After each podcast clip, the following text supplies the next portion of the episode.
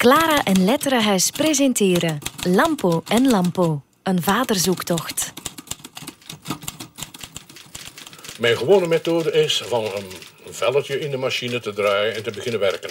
En dan onmiddellijk zeer intens met corrector, nietwaar, u kent dat witte spul in van die plastic flesjes, te corrigeren. Onmiddellijk terwijl ik werk. Niet achteraf, niet na een pagina, niet na een halve pagina, maar onmiddellijk terwijl ik aan de volzin aan het werken ben. Ik heb hier dus uh, bij mij uh, het handschrift van de zwanen van Stonehenge. Dat is een uh, typisch chaotisch vader Lampo handschrift met heel veel verbeteringen, correcties en aanvullingen in viltstift. Mijn vader was dol op viltstiften. En af en toe, als er nog iets moest worden toegevoegd aan een bepaalde pagina, dan plakte hij daar gewoon een stukje papier uh, nog onderaan. Je kunt dat dus open en dichtvouwen. dus dat, dat maakt het wel ongelooflijk ingewikkeld. Ja, kijk, het is misschien een beetje archivarische uh, romantiek, maar je, je krijgt daarbij wel een soort, uh, wat Huizinga noemde, hè, historische ervaring. Je, je zit wel met je neus vlak op het, op het scheppingsproces van zo'n boek, het maakproces. En uh, zo, zo gaat het dus. Oh, dit, dit is ook alweer het betere werk. Dat kan ik u in alle oprechtheid zeggen. Ik schrijf altijd zonder plan en ik ben daar helemaal niet trots op. Ik zou veel liever het rustige gevoel hebben. Ik zit hier aan mijn tikmachine en naast mij ligt een flinke, goed geconstrueerde blauwdruk. Maar ja, ik kan dat niet. Ik moet beginnen te schrijven en het laten groeien zoals een plant groeit. Ik zou moeten lange wandelingen doen, zegt mijn vrouw, door de natuur en dan uh, filosoferen over mijn werk. Niks hoor achter de schrijfmachine, beginnen tikken en zien wat eruit komt. Het is mijn methode. Het is misschien geen goede methode, maar ja, wat doe je eraan? Kijk, je, je hebt eigenlijk volgens, volgens uh, literatuurwetenschappers of literatuurpsychologen zijn er twee soorten schrijvers. Je hebt de kopfarbeider, dat is een Duitse term, klinkt heel streng, kopfarbeider. Mensen die eigenlijk in hun hoofd hun hele tekst al schrijven. En, en hun tekst eigenlijk ja, uit het hoofd kennen op het ogenblik dat ze hem gaan opschrijven. Ik heb altijd horen vertellen dat Willem Elschot zo werkte. En, en, en ook Ruislink zou zo gewerkt hebben. Dat heeft hij mijzelf eens gezegd in een, in een interview. Dus dat zal wel kloppen. Mijn vader was niet zo. Dat was een papierarbeider.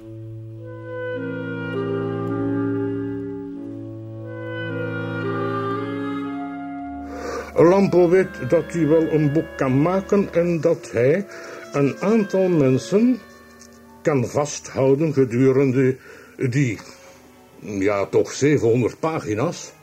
En mensen die niet na 50 pagina's zullen zeggen: dan heb ik het boek neergelegd en het niet uitgelezen. Maar je hebt niet te klagen over het publiek. Ja, voilà, ik heb niet over het publiek te klagen zonder dat een of andere licentiaat, zal ik maar zeggen, ik weet niet of u licentiaat bent. Mijn zoon is het ook, dus het heeft geen algemeen omvattende, vernederende betekenis. Maar een of andere licentiaat wordt ingehuurd om nou eens te zeggen wat een onbetekenende schrijver Lampo is. En hoe stom dat publiek is dat nou al 40 jaar zijn boeken leest en wacht op een volgend boek. Ik denk dat mijn vader eigenlijk in het begin niet goed begreep wat er aan de hand was. Ik hou wel van uh, bepaalde bladen, uh, dagbladen, eventueel weekbladen, waar een goede achtergrondinformatie wordt gegeven, zonder dat daar een of andere meester Pennewip, die pas van de universiteit komt, die honderdmaal minder boeken heeft gelezen dan uw dienaar, eh, die zelfs misschien minder boeken heeft gelezen dan uw dienaar heeft geschreven, die nou eens gaat zeggen dat het goed is of slecht, Waarschijnlijk gaat hij zeggen dat het slecht is. Men gaat zich afsloven om te zeggen dat dat boek niks is. Men gaat zich afsloven om te zeggen dat Lampo niks betekent. Lampo weet van zichzelf dat hij goed schrijft.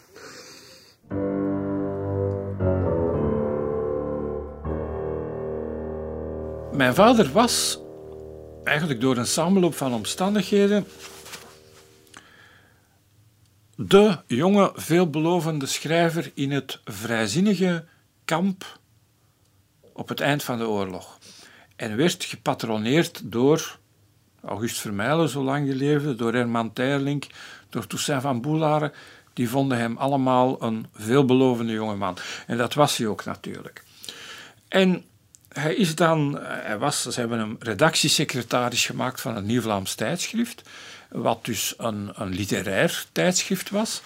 Ehm, dat ja, toch bijna 40 jaar lang heeft bestaan en dat zeker vlak na de oorlog, in de jaren na de oorlog tot de jaren 60, zeer invloedrijk was in, in het literaire leven in Vlaanderen.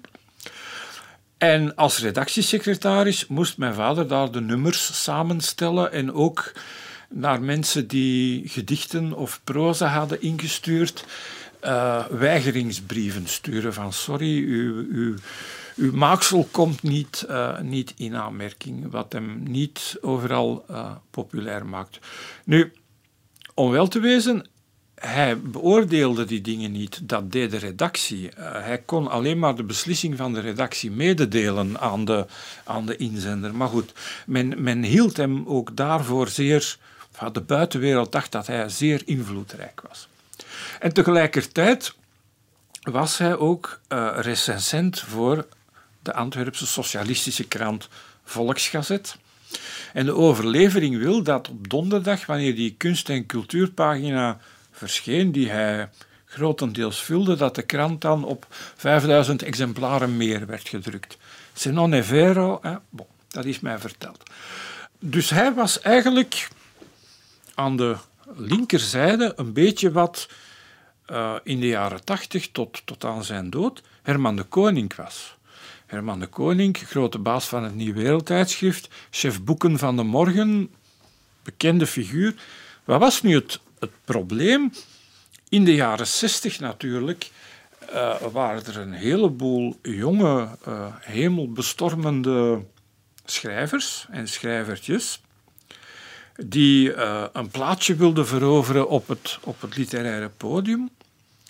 En heel vaak waren dat eigenlijk mensen die uit de katholieke zuil kwamen, maar die het revolutionaire, linkse en modernistische licht hadden gezien. En die allemaal samen drumden in de marge van de linkerzijde om zich daar te manifesteren. Nu, voor die mensen zat mijn vader natuurlijk hopeloos in de weg.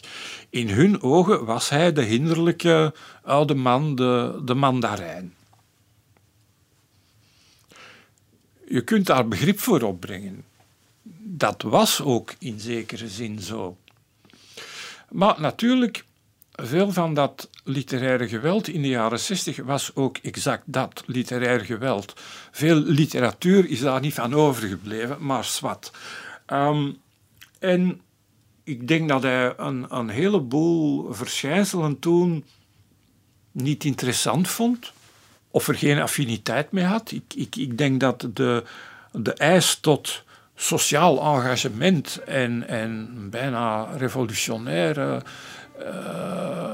strijd op, op de barricaden, dat, dat lag hem niet. Hij is nooit een activist geweest. En ik, ik denk dat hij ook niet vond uh, dat dat de taak van de literatuur was de Fransen zeggen Jean et la claque, maar ik trek er mij ook niet meer aan. Ik weet wie ik ben, ik weet wie mijn vrienden zijn, ik weet wat mijn bedoelingen zijn. En als ik eens een roman schrijf waar niet de arme arbeider sterft van de honger op de drempel van de fabriek, terwijl de patroon binnen met twee naakte vrouwen op de knieën een fles champagne tot zich neemt, dan nog voel ik mij geen reactionaire man. Jij had de oorlog meegemaakt. En hij had heel ideologisch gekleurde recensies op zijn boterham gekregen in de oorlog.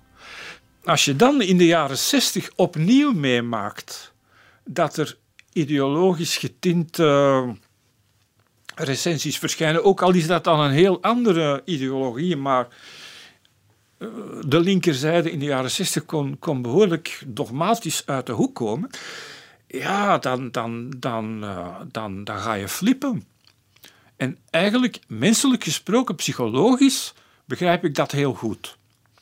Je kunt je nu zeggen, ja, als Herwig Leus of Julian Weverberg of uh, een van die mensen in een gestenceld tijdschriftje dat met nietjes is, hè, als die een onaangenaam stukje over je schrijven, ja, mijn god, wat, wat heeft dat voor betekenis en, en relevantie en wie zal het lezen?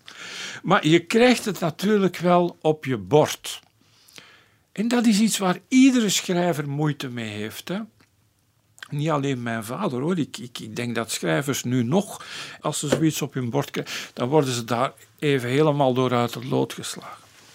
Maar als je dan natuurlijk merkt dat dat nou, toch wel vrij aanhoudende gemor, ik zal niet zeggen gestook, maar gemor in de marge, dat dat ook invloed begint te krijgen op mensen in de journalistiek en in de literaire wereld, mensen die je eigenlijk altijd hebt beschouwd als je collega's. En die dan plots uh, zich beginnen te gedragen op een andere manier of plots niet meer zo graag met je gezien willen worden. Daar word je dus wel even uh, niet goed van. Wij worden geconfronteerd met een situatie die voor mijn gevoel uh, afgekeken is niet van Holland, maar van de Amsterdamse maffia, waar een paar uitgevers de pers manipuleren om hun boeken op te krikken en, dat is nieuw, denk ik, om de boeken van de concurrentie de grond in te schrijven, nietwaar? En die mentaliteit, die onverzoenlijkheid, die hatelijkheid, die, ja, die, die fascistoïde grofheid, heeft men hier in Vlaanderen overgenomen. En alhoewel ik een oud man begin te worden en niet meer zo strijdlustig ben, zal ik die zaken blijven aanklagen, al zou het maar zijn in memoires die niet van de poes, maar van de kater zullen zijn.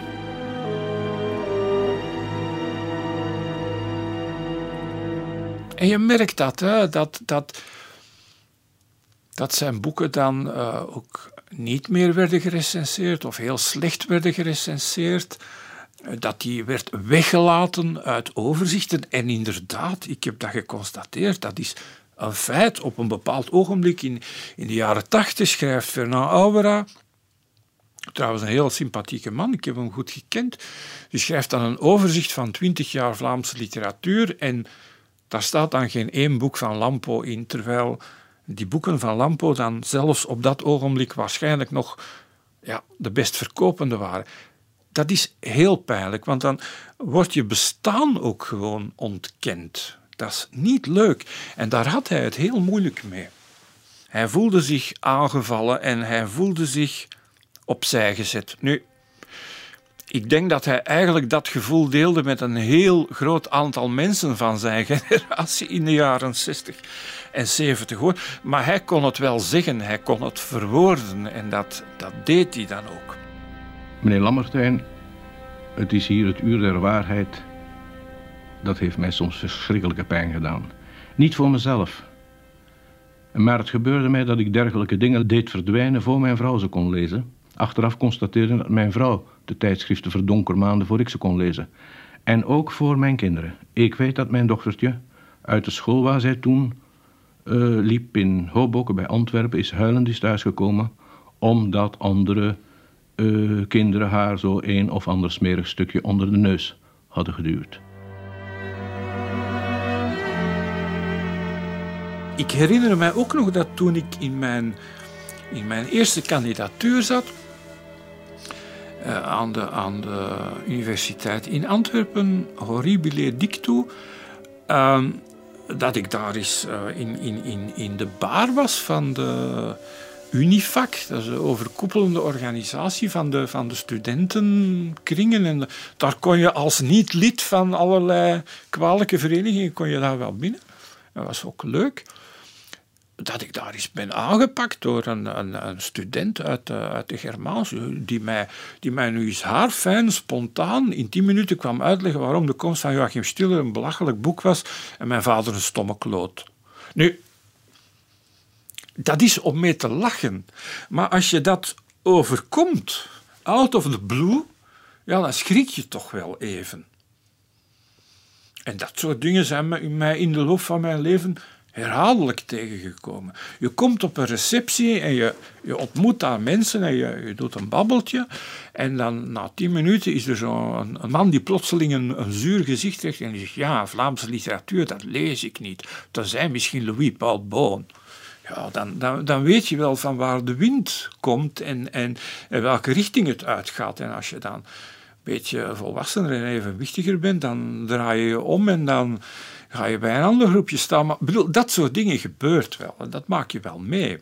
Je hebt, je hebt zo van die karakters en je, je, eigenlijk je kunt dat bijna zien al in smoeltjes. Hoor. Als ze zo'n beetje verkrampt kijken, dan, dan uh, ja, dat is heel vreemd. Het gekke was, ik, ik denk dat ik in de jaren zeventig, ook mede door de scheiding van mijn ouders en zo, uh, even hard neerkeek op mijn vader als iedere andere langharige jongere in de jaren zeventig neerkeek op zijn vader. Want dat was toch wel ook voor de, de meer gematigde naturen onder ons de tijd van de vadermoord. Um, maar als ik dan zo'n stukje las in de krant, dan identificeerde ik mij onmiddellijk en volledig met hem. Veel meer dan ik eigenlijk bewust wel wilde doen. Dat is een heel raar fenomeen. Misschien hebben psychologen daar een, een naam voor, maar ik, ik ben er in ieder geval wel aan onderhevig geweest en ik ben er misschien nog aan onderhevig. Er zijn ook altijd mensen die die dan onder je neus komen schuiven. Van kijk eens wat er over je vader in de krant heeft gestaan. Want pas op, ik, ik, ik, ik ben natuurlijk niet blind voor bepaalde tekortkomingen of bepaalde literaire, ja, niet perfecte dingen bij mijn vader. Ik denk als ik, uh, als ik zijn roman De Geheime Academie herlees, dan denk ik, oh mijn god, die beginscène die had eigenlijk helemaal anders moeten zijn. Ik bedoel, ja. En ik, ik kan mij ook inleven in mensen die magisch realisme niks vinden. Uh, dat, dat is allemaal best, maar die toch ontstaat op zo'n moment dan die, die identificatie. En dat is iets heel, uh, iets heel fundamenteel, dat komt van heel diep. En ik kan dat niet onderdrukken. Ik kan het wel relativeren achteraf, maar op het moment zelf kan ik het niet onderdrukken. Ik, ik weet niet hoe het komt, uh, maar ja, dat is zo.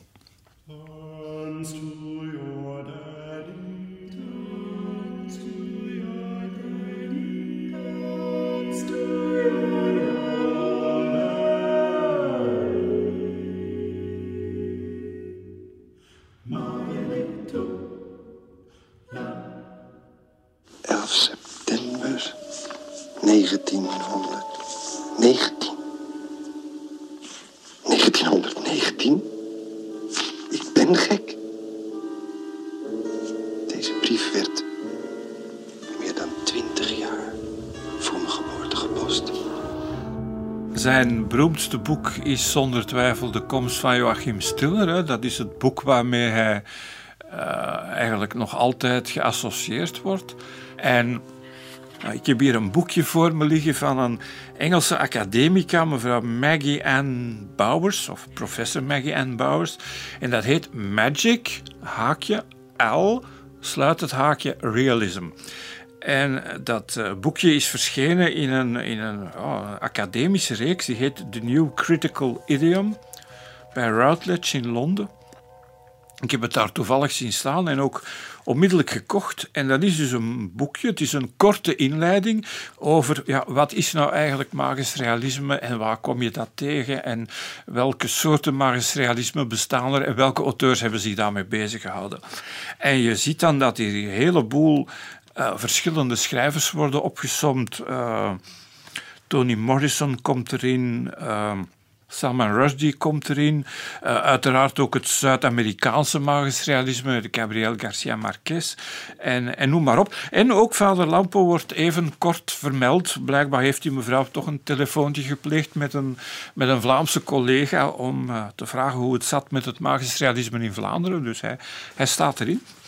Ja, wat leer je uit zo'n boek? Dat het dus eigenlijk een heel breed gamma aan, aan auteurs en boeken is die, die je magisch realistisch zou kunnen noemen.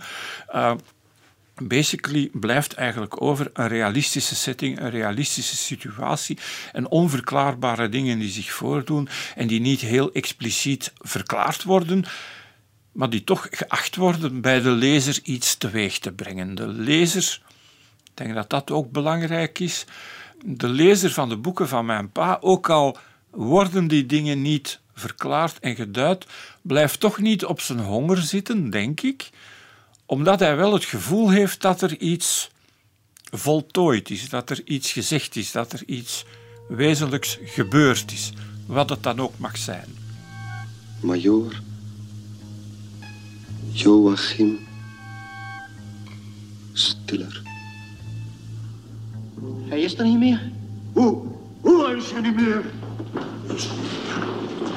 Nu, ik, ik kan mij voorstellen dat de meer nuchtere zielen onder ons, of de, eh, de mensen die vooral geboeid worden door literatuur, die, die vormelijk heel uh, gesofisticeerd en complex is, dat die geen, geen geduld hebben met magisch realisme. Magisch realisme is natuurlijk een heel poëtische, irrationele benadering van de werkelijkheid en van wat er eventueel nog achter de werkelijkheid zou kunnen schuilgaan.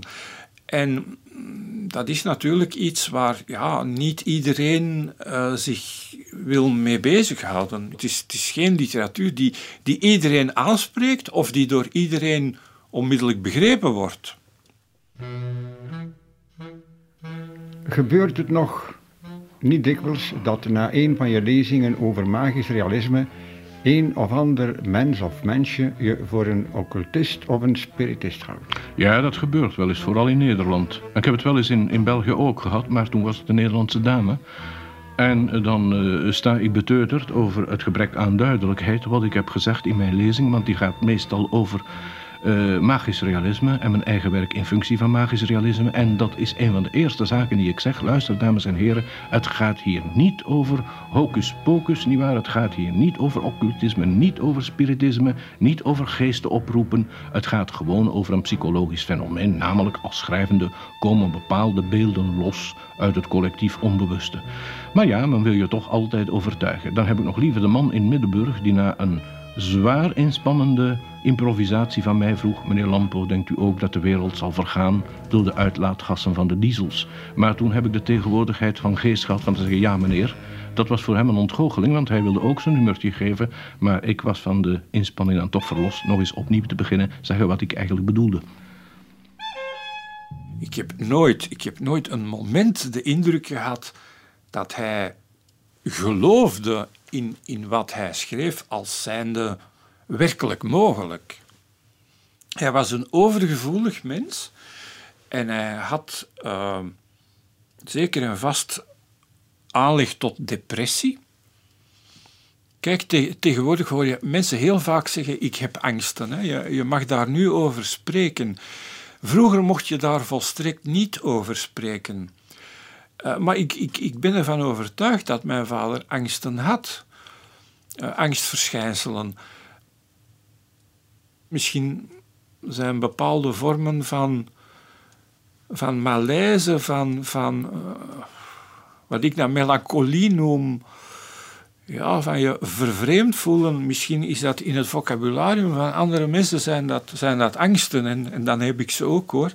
Uh, en in niet geringe mate. Dus ik, ja, mijn vader had angsten en, en hij had een, een, een, uitgesproken aanleg voor, voor depressie. Dat is een feit. En ik, ik, ik kan me heel goed voorstellen dat, dat schrijven voor hem inderdaad een beetje een, een antidotum was. En misschien inderdaad een, zekere, een zeker therapeutisch effect had. Maar hij was niet gek. Hij werd geïntrigeerd door merkwaardige samenlopen van omstandigheden, door verschijnselen zoals het déjà vu-effect, uh, door wat dan Jung uh, betekenisvolle synchroniciteit noemt. Hè. Je, je, loopt over straat en, en, en je denkt aan, aan een vriend die je lang niet meer gezien hebt en de volgende dag ontmoet je die man dat zijn zo van die dingen. Dat zijn ook dingen die in werkelijkheid gebeuren. Dat, dat overkomt ons allemaal. Nu, Ik ben een nuchter mens, maar ik zal het verhaal vertellen in drie woorden. In 1987 werkte ik bij de uitgeverij Manteau. Dat heeft niet lang geduurd, want dat was niet fijn. Maar een van de dingen die ik daar moest doen was de drukproeven verbeteren voor een nieuwe druk van De Trap van Steen en Wolken van Johan Dijnen. En terwijl ik die drukproeven zat te corrigeren, met dus een, een, een vorige druk als, als kopij naast me om te vergelijken als dat moest, kwam ik tot de vaststelling dat een bepaalde bladzijde, ik zal nou maar zeggen bladzijde 275, niet klopte. Dat wat daar verteld werd niet doorliep, dat daar ergens een, een breuk in zat. Op, op een heel opvallende manier. En ik dacht, want als je bij drukproeven bezig bent, dan, dan ga je denken in die termen. Ik dacht, ja, hier is iets weggevallen. En ik ben dan uh, in, het, in het archief van de uitgeverij gaan kijken naar vorige drukken en in al de vorige drukken die daar aanwezig waren, dat waren dat niet allemaal, deed zich datzelfde bizarre fenomeen voor dat er op die bladzijde iets niet klopte. Maar toen viel mij in dat, dat, of ik veronderstelde dat mijn vader de eerste druk had van de trap van Steen en Wolken, verschenen in de oorlog. Dus ik bel hem op en uh, ik zeg, mag ik dat straks eens komen bekijken, want ik zit met dat probleem. Maar ja, zegt hij, kom maar. En ik herinner me dat ik die avond naar Robbendonk ben gereden. En hou je vast, dit is dus echt waar.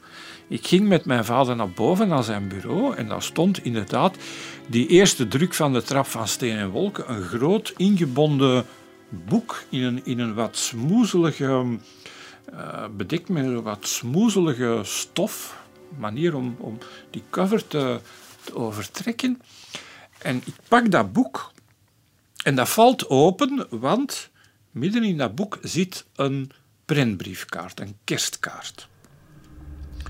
En dat was op die bewuste bladzijde. En dat was ook de laatste kerstkaart die Dijne ooit aan mijn vader heeft gestuurd. Kan ik dat verklaren? Nee. Trek ik daar conclusies uit? Nee, maar ik kreeg er wel kippenvel van. En het heeft mij toegelaten om, denk ik, in de, de laatst verschenen druk van de trap van Steen en Wolken die hele paragraaf, want het ging om een hele paragraaf, terug in te voegen. Dit is echt gebeurd. Er zijn nu waarschijnlijk mensen die denken, dat kan niet, hij liegt, maar nee, ik lieg niet.